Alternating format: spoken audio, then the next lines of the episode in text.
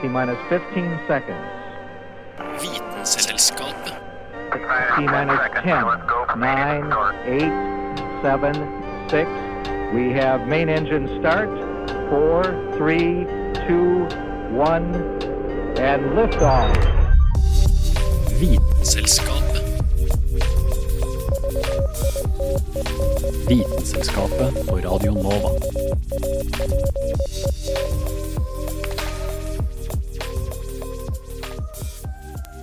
Onde bakken finner du litt av hvert. Der jeg er fra, finner du troll i Dovregubbens hall. Folk før i tiden gikk til skaftet når de hørte at 'there's gold in them there heos'. Og merkelige krabater som muldvarpen finner du òg. Ikke alle er så glad i tanken på å være ondebakken, da klaustrofobi er en av de vanligste fryktene oss mennesker har.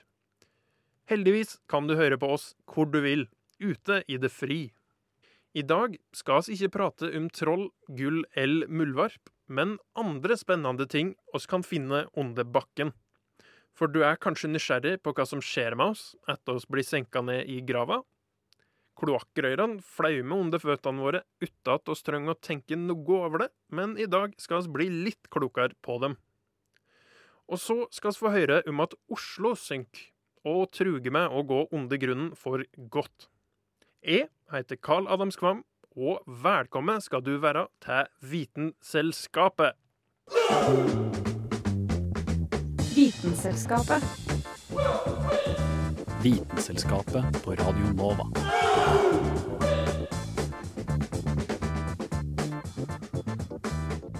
De kan være grønne, rosa eller grå, lange eller stutte. Hva slags skapninger er det vi kan støte på der nede i undergrunnen?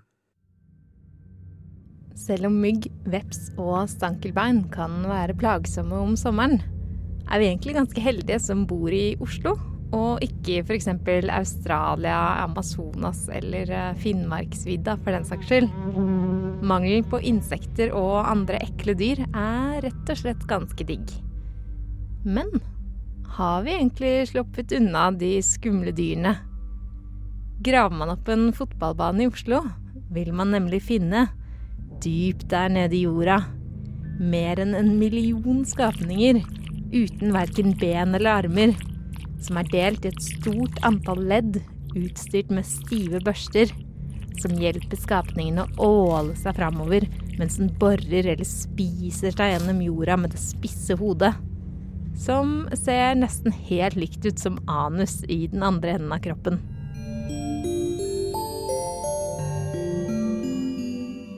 Du har eh, sikkert, lur som du er, gjetta at eh, skapningene her under jorda er meitemarker. Hvem har vel ikke barndomsminner knytta til vanndammer på grusveier og meitemark? Men hvorfor kommer egentlig meitemarkene først opp av jorda når det regner? Svaret er eh, logisk nok at eh, marken ikke får puste om jorda blir full av regnvann. Men årsaken til pusteproblemene er overraskende motsatt av hva de fleste av oss tror. Marken har ingen nese og ånder gjennom huden. Dette spesielle pustesystemet fungerer bare om huden er fuktig. Og derfor så kan marken overleve flere dager i vann om den må. Så hvis mark egentlig må være fuktige for å kunne puste, hvorfor drukner de da om jorda oversvømmes av regn? Svaret er at regnvann inneholder for lite oksygen til at marken klarer å puste, og den trekker opp til overflaten for å overleve. Det triste her er at de fleste meitemarkene som kommer til overflaten når det regner, allikevel dør, fordi de ikke tåler dagslys og ikke klarer å bore seg ned igjen i jorda.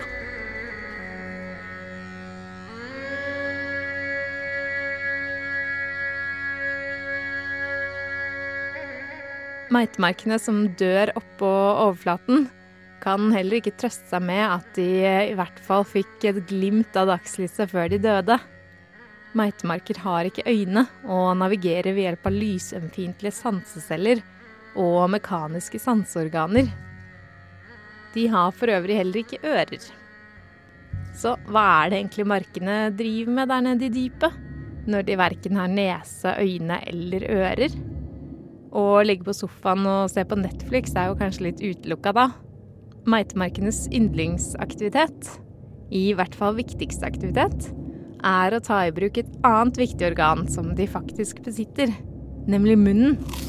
Marken har ikke tenner eller kjeve, da, men den tar til takke med hva den faktisk har, og bruker en del av svelget og hodelappen til å dra plante- eller dyrerester inn i munnen, og river bitene i stykker ved å blande dem med spytt. Markene spiser også mye jord i forbindelse med at de graver seg kanaler under bakken. Og jorda som passerer tarmkanalen, blir til noe som kalles moll. Som den bæsjer ut nær jordoverflaten. Takk for det, Meitemark.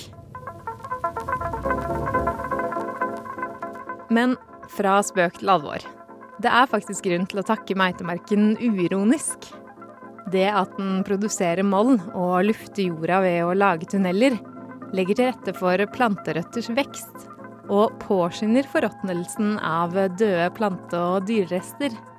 De korte leddormene er derfor veldig viktige for planteveksten.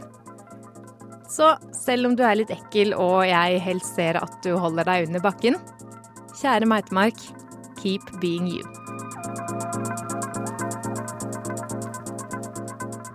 Og hvis du noen gang har lett etter kjønnsorganet til en meitemark, det er det glatte beltet du kan se litt foran midten på marken.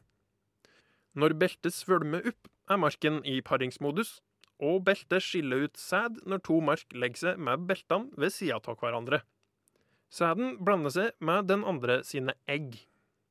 Ja, meitemark er tvekjønna, så både produserer både egg og sæd, og kan logge en kukong på 2-20 egg fra hver paring. Hanne Grydeland heter hun som sto bak dette innslaget.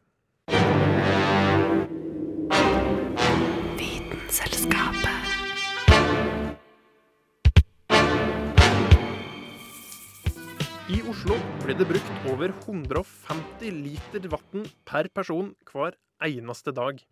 Men det blir jo ikke bare borte når det går ut i sluken din, og det går ikke rett ut i fjorden heller. Så hva skjer egentlig?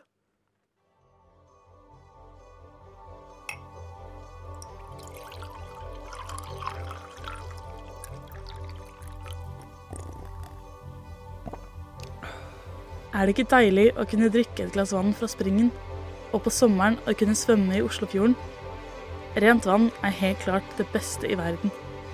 Men det har ikke alltid vært like tilgjengelig som det er i dag. For omtrent 40 år siden ble kloakkvannet sendt rett ut i Oslofjorden, like skittent som det gikk ut av avløpet ditt. Hva er det som gjør at Oslofjorden er så ren i dag, da?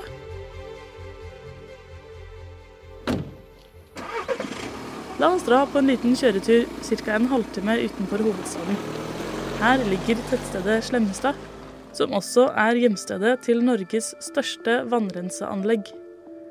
Like nede ved fjorden, mens du er opptatt av å lukte saltvannet og mate måkene, renses mellom 2000 og 11 000 liter vann i sekundet.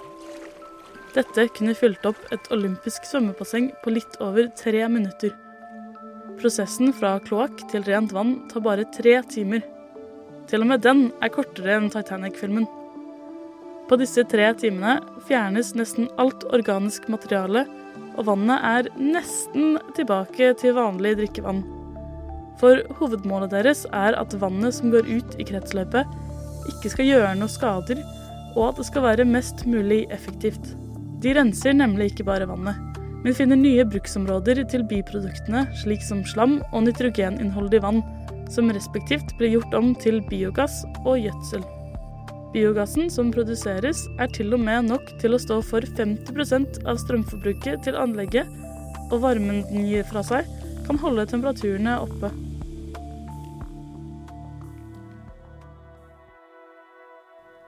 La oss nå endelig bli med på reisen som kloakkvannet tar når det forsvinner ut sluken din. Det skal da gjennom ni forskjellige holdeplasser. Den første av dem er så klart når vannet kommer inn i renseanlegget gjennom deres 42 km lange og 3,5 meter brede tunnel. Det tar hele tolv pumper å gjøre denne jobben. Neste stopp er søppelfjerning. Her brukes det nærmest sagt gigantiske siler som skiller ut søppelet og lar vannet vandre videre. Nå skal det nemlig gjennom et litt turbulent stadie, hvor vind blåses inn i vannet for å få sand til å synke og fett til å flyte, slik at begge kan fjernes lett. Så er det på tide å ta på seg labfrankene og vernebriller, for vi har kommet til den kjemiske delen av turen, hvor slam blir fjernet ved hjelp av kjemikalier som danner klumper og synker til bunns. Dette er starten på den todelte biologiske rensingen, hvor man fjerner urin fra vannet. Først ved å omdanne ammonium til nitrat, og så tilsettes metanol, som omdanner nitrat til nitrogengass. Denne gassen stiger og binder seg med nitrogenet i lufta. Endelig kan vannet føres ut i fjorden igjen, og vi kan bli igjen for å følge biogassproduksjonen hvor slammet vi har hentet opp, blir lagt i tanker for å råtne og til slutt bli luktfritt. For så å bli gjort om til jord som brukes i jordbruket. Ja, det er altså slik at vannet fra avløpet ditt bidrar til å gjødsle maten du spiser. Og så er ca. 2500 vassrenseanlegg i Norge. De fleste er kommunale, men VEAS-anlegget er et interkommunalt samarbeid mellom Asker, Bærum og Oslo, og rense vann dag ut og dag inn. Innslaget var av Julianne Li Fjell.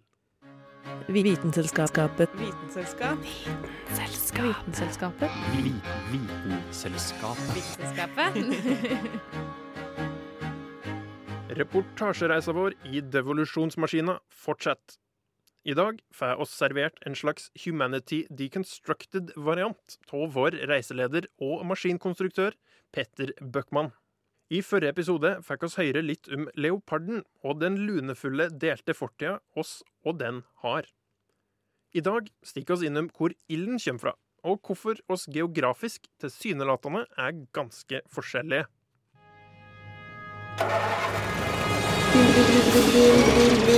Flash, flash, flash.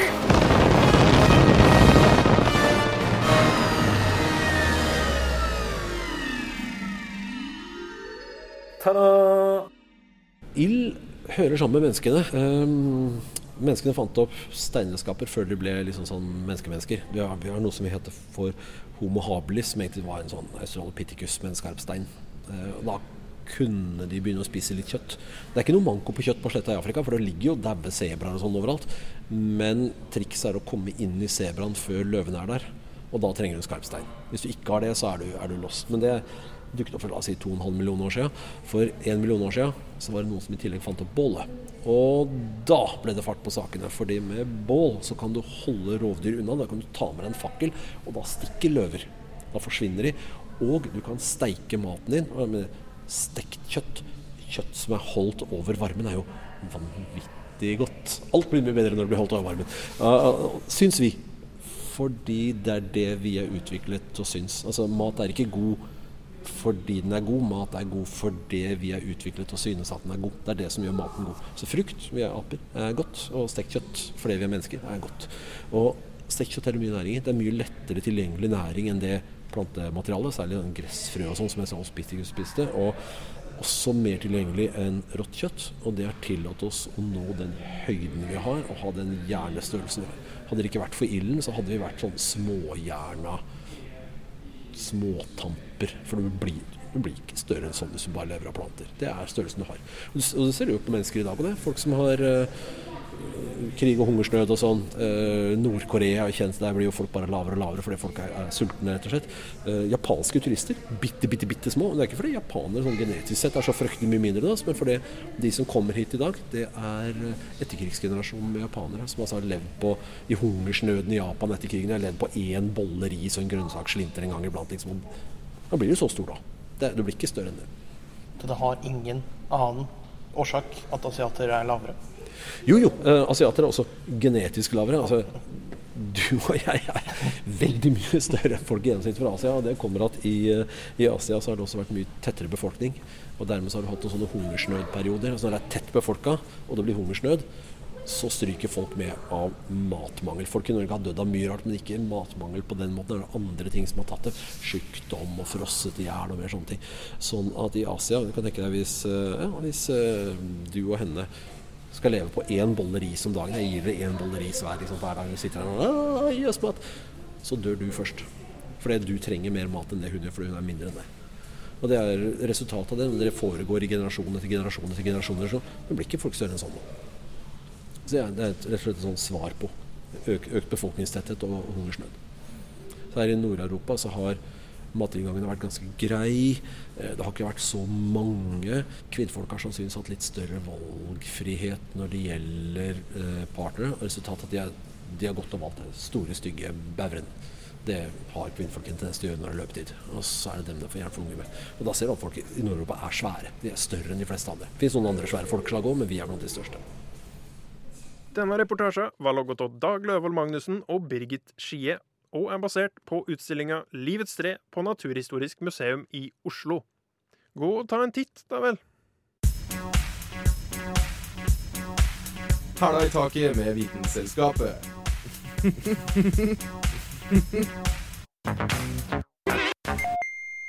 I likhet med turistmagneten Venezia så synker òg byen vår, Oslo. Litt etter litt etter litt. Vi sovner til lyden av samme by.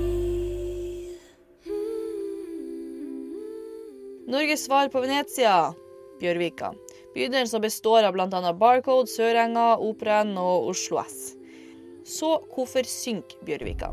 Leire og silt, som er veldig fin jord, vil ofte være udrenert. og Derfor vil det ta lang tid før eventuelt drenering skjer. Vannet presses langsomt ut, og lagene presses sammen. Dette er konsolidering, og det er det som skjer i Bjørvika. Det er løsmassens stabilitet som blir påvirka av enten minsking i grunnvannet eller økt tilførsel av f.eks. sand.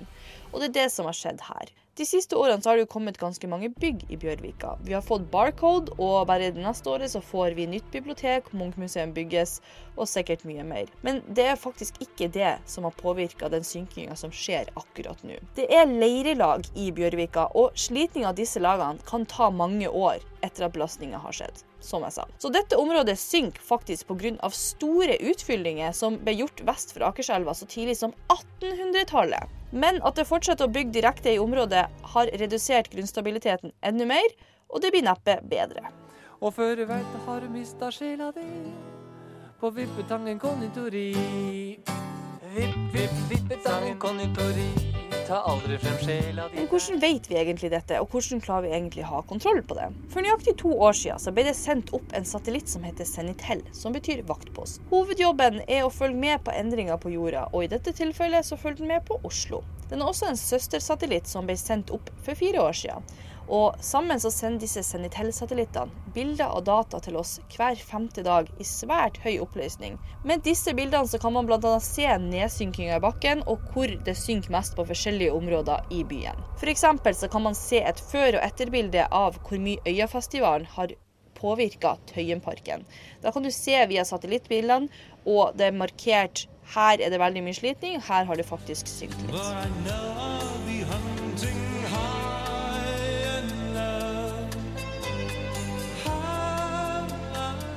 Men hvor mye er det egentlig som synker i Oslo?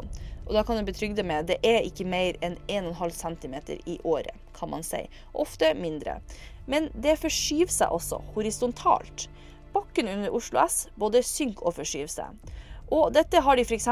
opplevd og måttet gjort noe med på linje 19 på stasjonen, som er den linja hvor du ofte tar buss for tog. Her har de måttet kutte deler av linja, sånn at de ikke skal treffe ting de ikke skal treffe. Man kan visstnok også se endringer på operaen. Av at deler av operaen har endra seg, det har sunget og skapt gløp. Og det vil på sikt også kunne se endringer på strukturen på byggene rundt omkring i området, og innganger, f.eks. trapper, kan henge i løse lufta. Så finnes det ei løsning på dette. Vel, det har blitt prøvd ut med stålrør som skal holde grunnen stabil. De har bora ned stålrør. Men det de har funnet ut, er jo at for det første så kommer det grunnvann opp i disse stålrørene. Og som vi vet, så er jo ikke det så veldig bra i denne leiresituasjonen. I tillegg så irriterer det leira på en måte, som til slutt mister masse. Og da vil jorda bare synke ytterligere. Og vi havner til slutt på bunnen. skal du få en vuggesang. God natt, kjære Oslo. God natt, god natt. God natt, kjære Oslo. Sov godt i natt. Denne saken var logget av den evigstigende Ida Katrine Vassbotn. Å vite vet Vitenselskapet.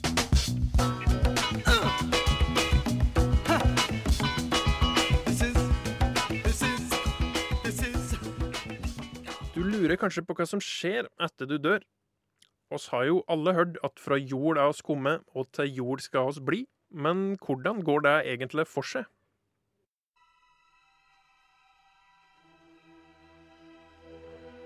En gang skal hjertet vårt slutte å slå, og all aktiviteten vår opphører. Legemet vil sakte, men sikkert bli til jord. Men hvordan foregår egentlig denne prosessen, og hva skjer etter at kroppen har blitt begravet? Det aller første som inntreffer etter døden, er rigor mortis, også kalt dødsstivhet. Dette inntrer mellom to til seks timer etter døden, og avhenger av temperaturen i omgivelsene. Det biokjemiske grunnlaget for dødsstivheten beror på at musklenes innhold av adenosintrifosfat, ATP, faller under en viss konsentrasjon. Dette vil påvirke muskelproteinene aktin og myosin. Melkesyreinnholdet i musklene øker ved nedbrytningen av ATP. Og produktet av denne nedbrytningen er hypoksantin. Det er målinger av nivået av hypoksantin i f.eks. øyevæske fra liket som gjør at vi kan bestemme dødstidspunktet de første dagene etter døden. Musklene stivner fordi mangelen på oksygen til muskulaturen gjør at det ikke kan dannes mer energi. Dødsstivheten varer i ett til to døgn før cellene selv begynner å gå i oppløsning. Cellene faller rett og slett fra hverandre i en prosess som kalles autolyse. Autolysen er et direkte resultat av oksygenmangelen i kroppen. Når kroppen tappes for oksygen, blir miljøet svært gunstig for enkelte bakterier i kroppen, spesielt bakterier fra fordøyelsessystemet. Bakteriene begynner å bryte ned tarmen fra innsiden. Nedbrytningen av kroppen går raskest i fordøyelsessystemet, hjertet og hjernen fordi det er flere bakterier og enzymer i disse organene. I bindevev og skjelett derimot går denne nedbrytningen mye saktere. Skjelettet kan holde seg i mange hundre år. Bakteriene i kroppen begynner å bryte ned fett og protein og karbohydrater, og spaltingsproduktet fører til dannelse av svovelgasser. Gassene får liket til å svulme opp, og dette er grunnen til at lik i sjøen flyter. Ja, du har kanskje hørt om Oslos skytsengel Sankt Halvard, som fløt opp til overflaten etter sin død, selv om han hadde en kvernstein rundt halsen. Dette såkalte mirakelet har dermed sin helt naturlige forklaring. Når kroppen blir begravet, vil også bakterier fra omgivelsene etter hvert løse opp kroppen. Sopp og planterøtter er også med på denne nedbrytningen. Nitrogen i kroppen er god gjødsel for planter. Av kjennetegnene politiet ofte ser etter i søket etter et drapsoffer, kan være frodig plantevekst i et ellers nitrogenfattig område. Hvor lang tid omdanningen fra kropp til jord tar, vil variere med jordsmonnet og miljøet rundt. Tørr og porøs jord gjør at kroppen brytes ned raskere enn i f.eks. leire. Høy temperatur gjør prosessen kortere. I Norge kan graver vanligvis åpnes etter 15-20 år. Men 450 000 av de som ble gravlagt i Norge for 40-50 år siden, har ennå ikke blitt til jord. Grunnen til dette var en relativt ny oppfinnelse på denne tiden, nemlig plasten.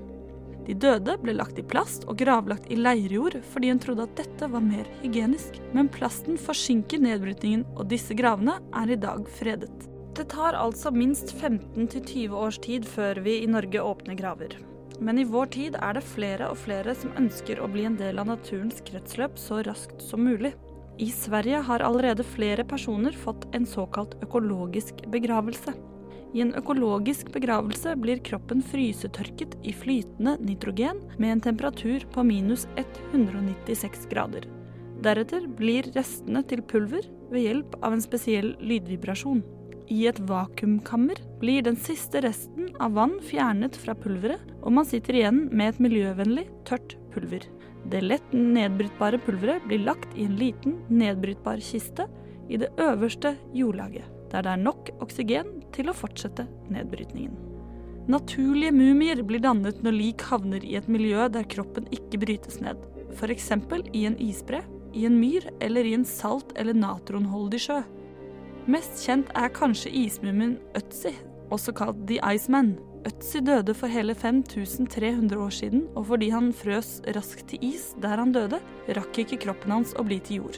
Kroppen er så vel bevart at man til og med kan se tatoveringene hans den dag i dag. Hele 61 stykker.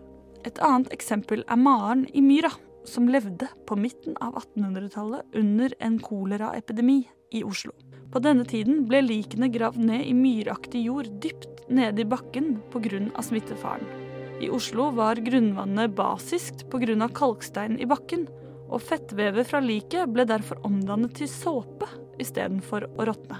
Disse likene ble senere funnet som fettklumper formet som mennesker, og med skjelettet helt intakt. Maren i myra er i dag utstilt på Teknisk museum i Oslo. Saken var laget av den ikke enda mumifiserte Birgit Skie.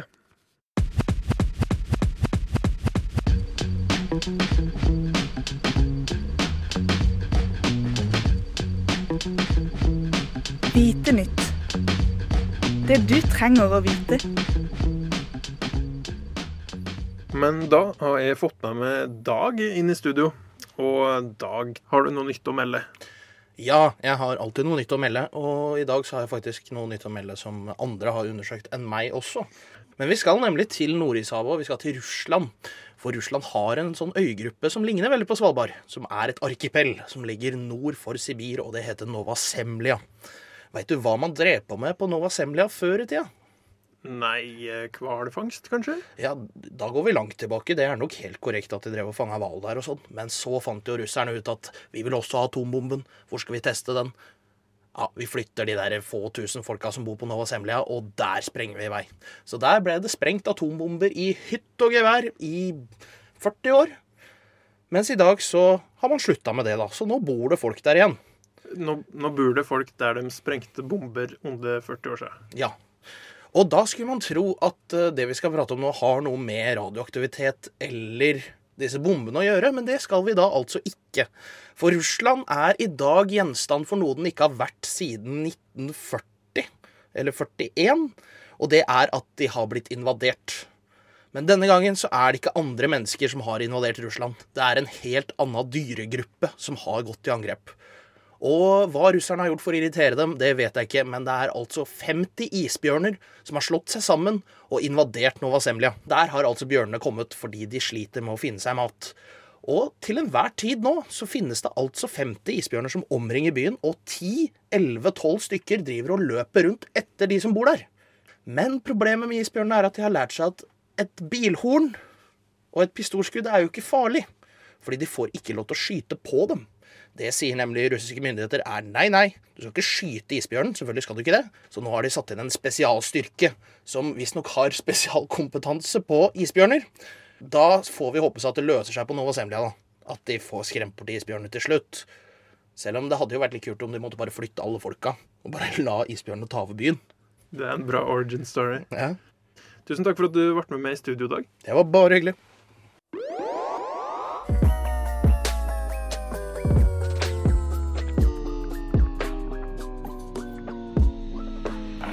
Vitenselskapet. Det var alt oss rakk denne uka. Tusen takk for at du der hjemme hørte på. Vil du høre sendinga på nytt, eller ei sending om et helt annet tema, finner du oss som podkast og på Soundcloud som Vitenselskapet. SoMe har oss sjølsagt òg, så sjekk oss ut på Facebook og Instagram. Bidragene til denne sendinga var Dag Løvold Magnussen, Julianne Liefjell, Ida Katrine Vassbotn, Birgit Skie, Hanne Grydland og meg, Carl Adams Kvam. Fram til neste gang håper jeg du har ei super uke. Så høyres oss da. Vitenselskapet. Wow.